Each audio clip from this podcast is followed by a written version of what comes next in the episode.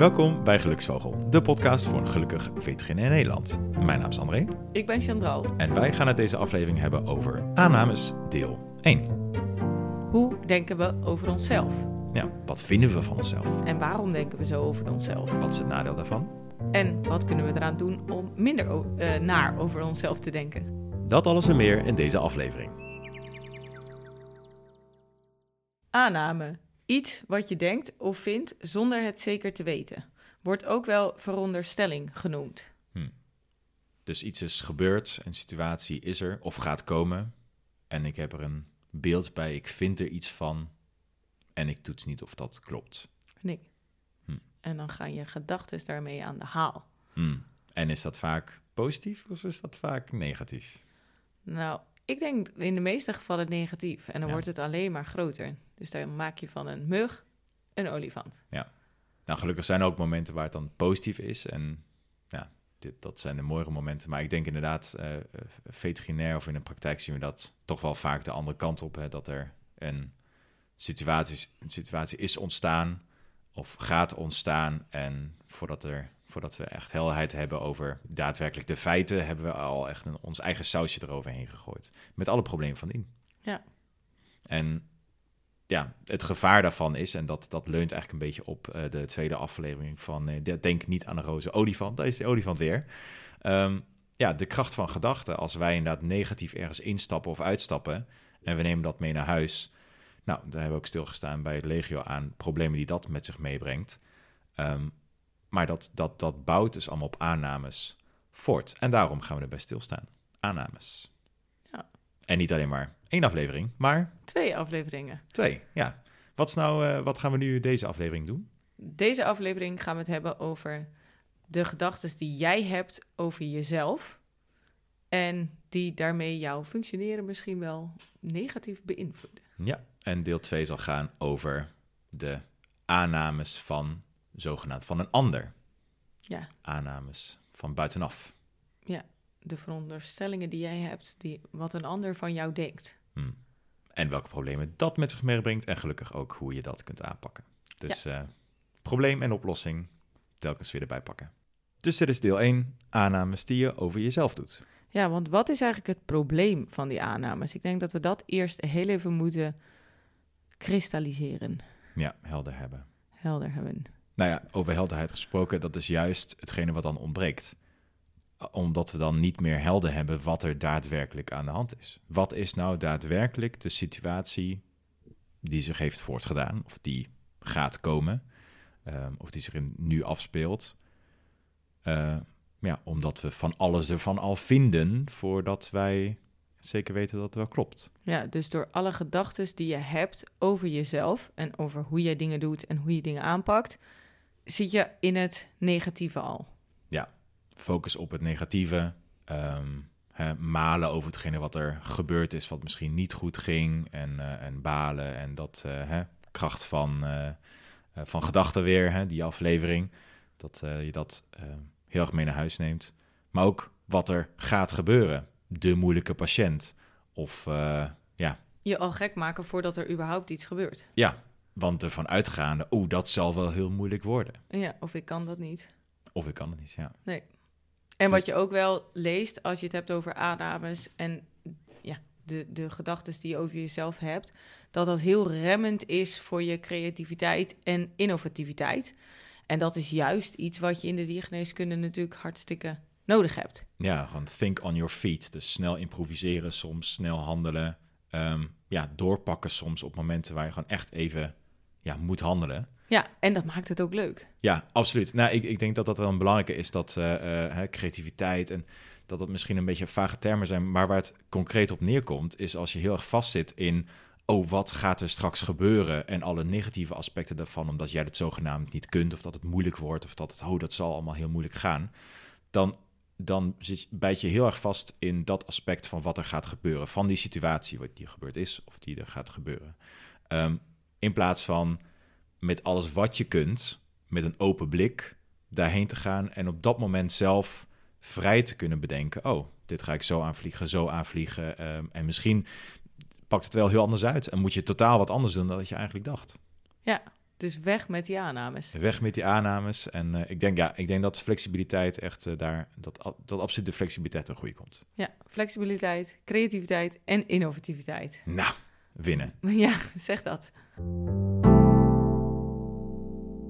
En dat uh, aannames een grote rol in ons leven spelen, dat uh, is al uh, enige tijd bekend. Um, de psycholoog Aaron Beck heeft in de 60 jaren al eigenlijk onderzoek naar gedaan en gevonden dat wat zijn patiënten dachten over een bepaalde situatie, dat veel meer invloed had op, op zijn resultaten dan wat het daadwerkelijk speelde, wat de situatie daadwerkelijk was. Dus dat betekent, als ik een operatie zou doen en dat gaat goed, en ik denk daarna, dit ging fout, dit ging fout en dit had ik anders moeten doen. En, en al mijn gedachten zijn negatief eigenlijk over wat ik heb gedaan. Mhm.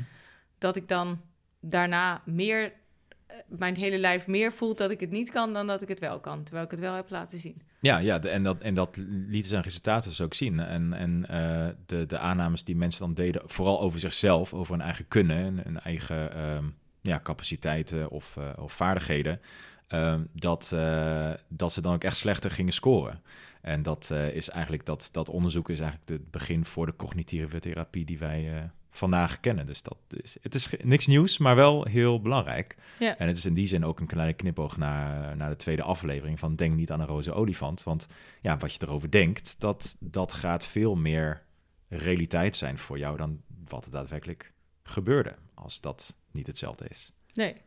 En dan is het ook nog zo dat Dweck uh, in het boek Mindset natuurlijk nog weer verder gaat op die theorie van Beck. Mhm.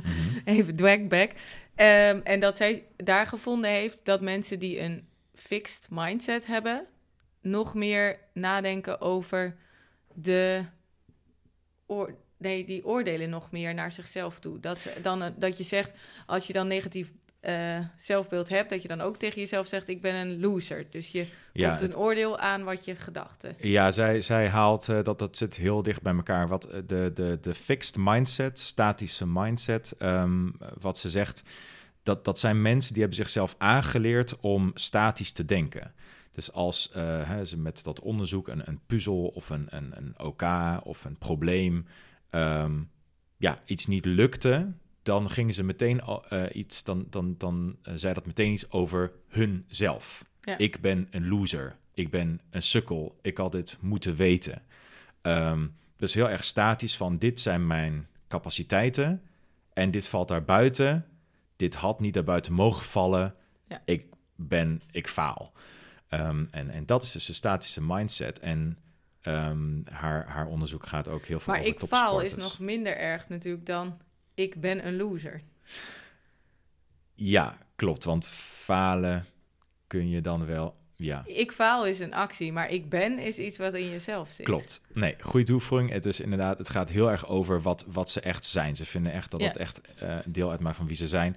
En eh, nou ja, ze haalt bepaalde topsporters aan eh, die, die echt ja, de, de wonderkinden waren. Echt in hun jeugd alles gewonnen hebben. En ja, wel vaak getraind hebben, maar op een gegeven moment ja, gewoon hadden bedacht: ik ben het wonderkind. Weet je, ik heb, ik, ben- ik ben het. En op een gegeven moment ja, werden ze ouder en ouder en kwamen steeds meer mensen natuurlijk die ook hard werk, werkten.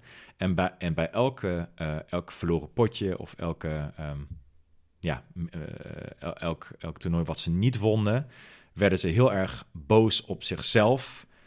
En gingen ze ook andere mensen de schuld geven. Dus ze gingen ervan uit, ja, omdat het kan niet aan mij liggen. En dat bracht zijn eigen problemen ver. Dus gewoon heel erg stijf in hun, ja, dit is gewoon wie ik ben. En als het niet lukt, dan ligt het of heel erg bij mezelf en ik kan het niet veranderen. Of het ligt aan de omstandigheden, want aan mij kan het niet hebben gelegen. Nee. En Dat dat is vanuit mindset. de fixed mindset, Ja. dus aangeboren. En dan is het tegenovergestelde van de fixed mindset is de growth mindset, dus de groei eh, Mhm. mindset. En de mensen die groei, een groei mindset hebben, die zijn ervan overtuigd dat ze hun capaciteiten kunnen laten toenemen. Dus dat je door trainen beter kan worden. Ja, dat je grip hebt op je eigen ontwikkeling en je eigen kunnen. Dus dat ehm, op die manier, die mensen hebben dan ook minder dat je zegt: Ik ben een loser. Nee, je bent geen loser. Je hebt alleen verloren. Hoe Ja. kunnen we nou volgende keer zorgen dat je wint? Ja, en, dat, eh, en eh, gelukkig eh, heeft ze ook gevonden dat je wel kunt schakelen. En dat ook afhankelijk van welke situatie je hebt waar je voor staat, dat dezelfde persoon heel erg een growth mindset kan hebben het ene moment en het fixed mindset een ander moment kan hebben. Dus dat uh, gelukkig voor degene die zich meteen aangesproken voelde met het uh, eerste voorbeeld van, oh, dat doe ik ook. Wees gerust, de, de, er is hoop. Er is oh, dat is wel. oh, er is ook hoop voor jou. Nee, maar waar het om gaat is dat je ook je groeimindset kan trainen. Want in heel veel gevallen is het wel heel handig om een groeimindset te hebben. Ja, ja en, uh, en dat is ook uh, ja, absoluut ook de conclusie van haar onderzoek. Um, en, uh, en, en, de cognitieve therapie die vaart erop.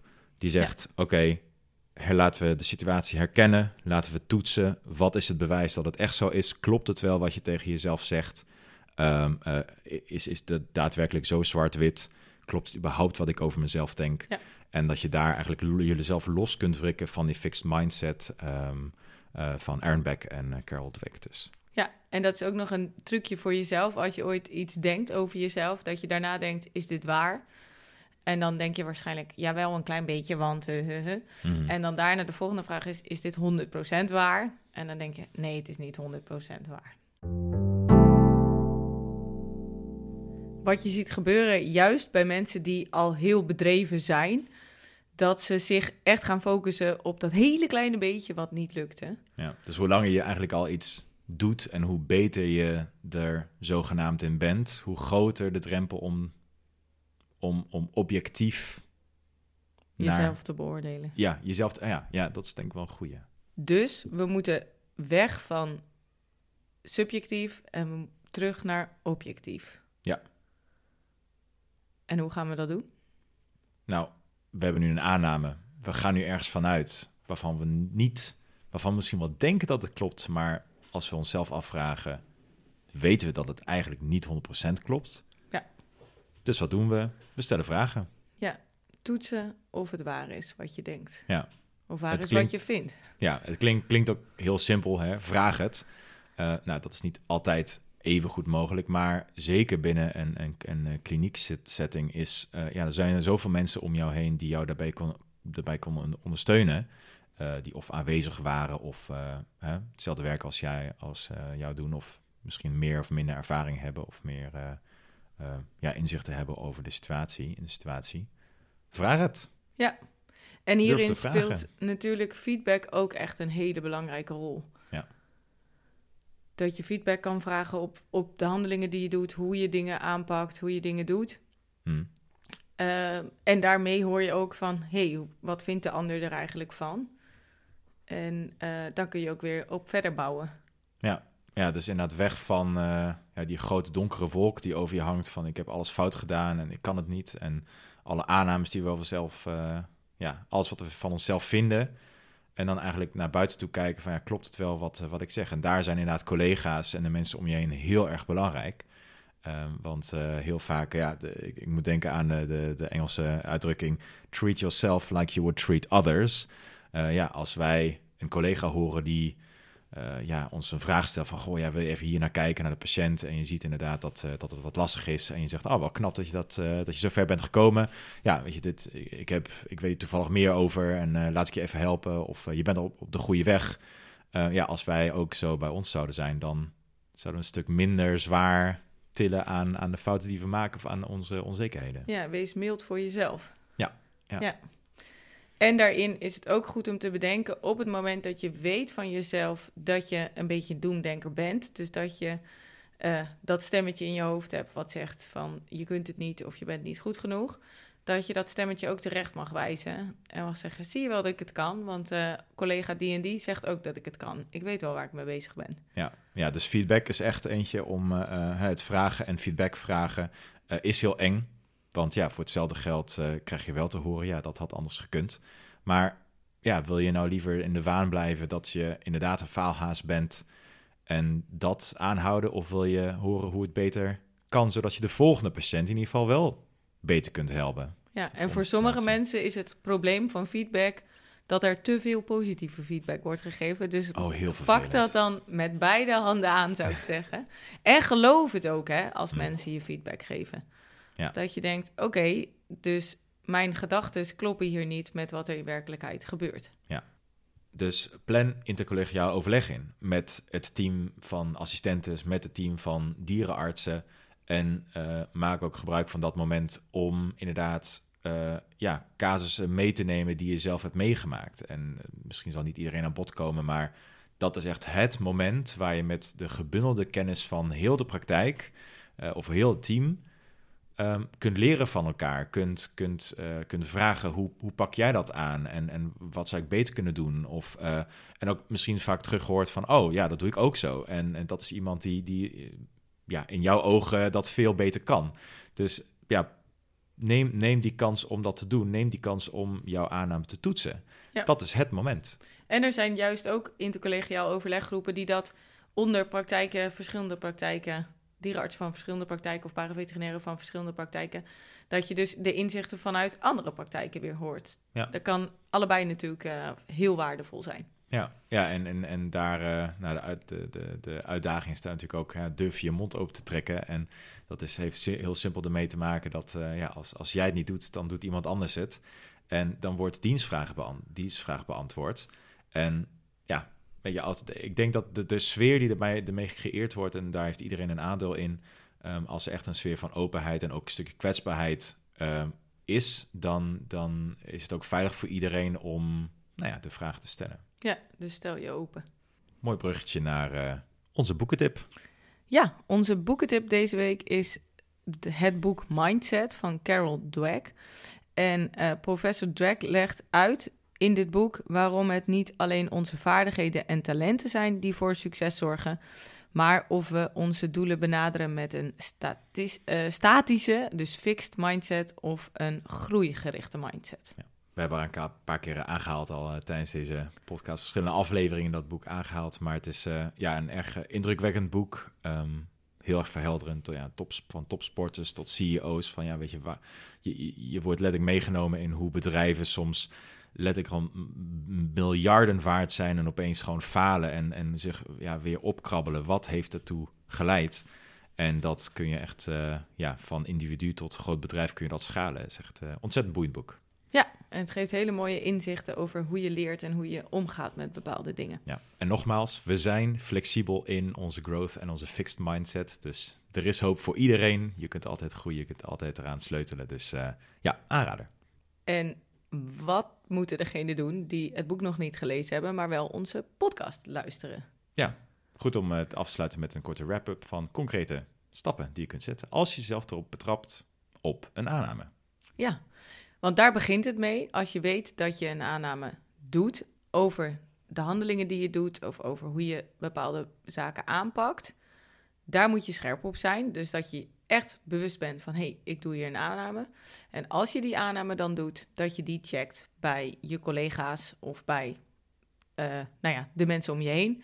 En dat zou je ook eventueel kunnen doen in de vorm van een intercollegiaal overleg. Ja, en ook zelfs eigenaren. Als je dan uh, heel erg merkt van, oh, die zegt dit en die zal me misschien het aardig vinden. Ook eigenaren mogen daar onderdeel van uitmaken. En uh, ja, daar is een stukje kwetsbaarheid wel essentieel bij. Dus uh, luister ook die aflevering ook nog terug. De kracht van kwetsbaarheid hierin. Want uh, inderdaad, het open durven stellen, dat vergt lef. En uh, om je zo kwetsbaar op te stellen. Maar daar is heel veel winst te behalen. Dus ja. daarmee zijn we aangekomen bij het einde van deze eerste aflevering. Ja, het einde van deel 1 als het aannames betreft. Ja. En dan gaan we het volgende keer hebben over vlooien. Vlooi jij mij of vlooi ik jou? Mm -hmm. Of waarom vlooi jij mij eigenlijk? Ja, dus inderdaad de apen die elkaar vlooien om een gunst of om ja, vriendschap te tonen. Maar ja, wat zit daarachter? Ja, wat zit daarachter? Want dat is wat je zelf denkt. En die aannames gaan uit van je persoonlijke overtuigingen. Mm Ook als het aannames zijn die je maakt van wat jij denkt, wat een ander denkt. Ja, wat, wat, we projecteren het op anderen. Ja. ja. Wat anderen zeggen of hoe anderen handelen in een bepaalde situatie, dat, ja, dat, we toetsen niet of we dat goed begrijpen. Nee, en daar gaan we het de volgende keer over hebben. Leuk. Nou, Van muggen naar olifanten naar apen en vlooien. Nou, nou, we gaan ze lekker door. Ja. Nou, tot de volgende keer. Tot de volgende keer.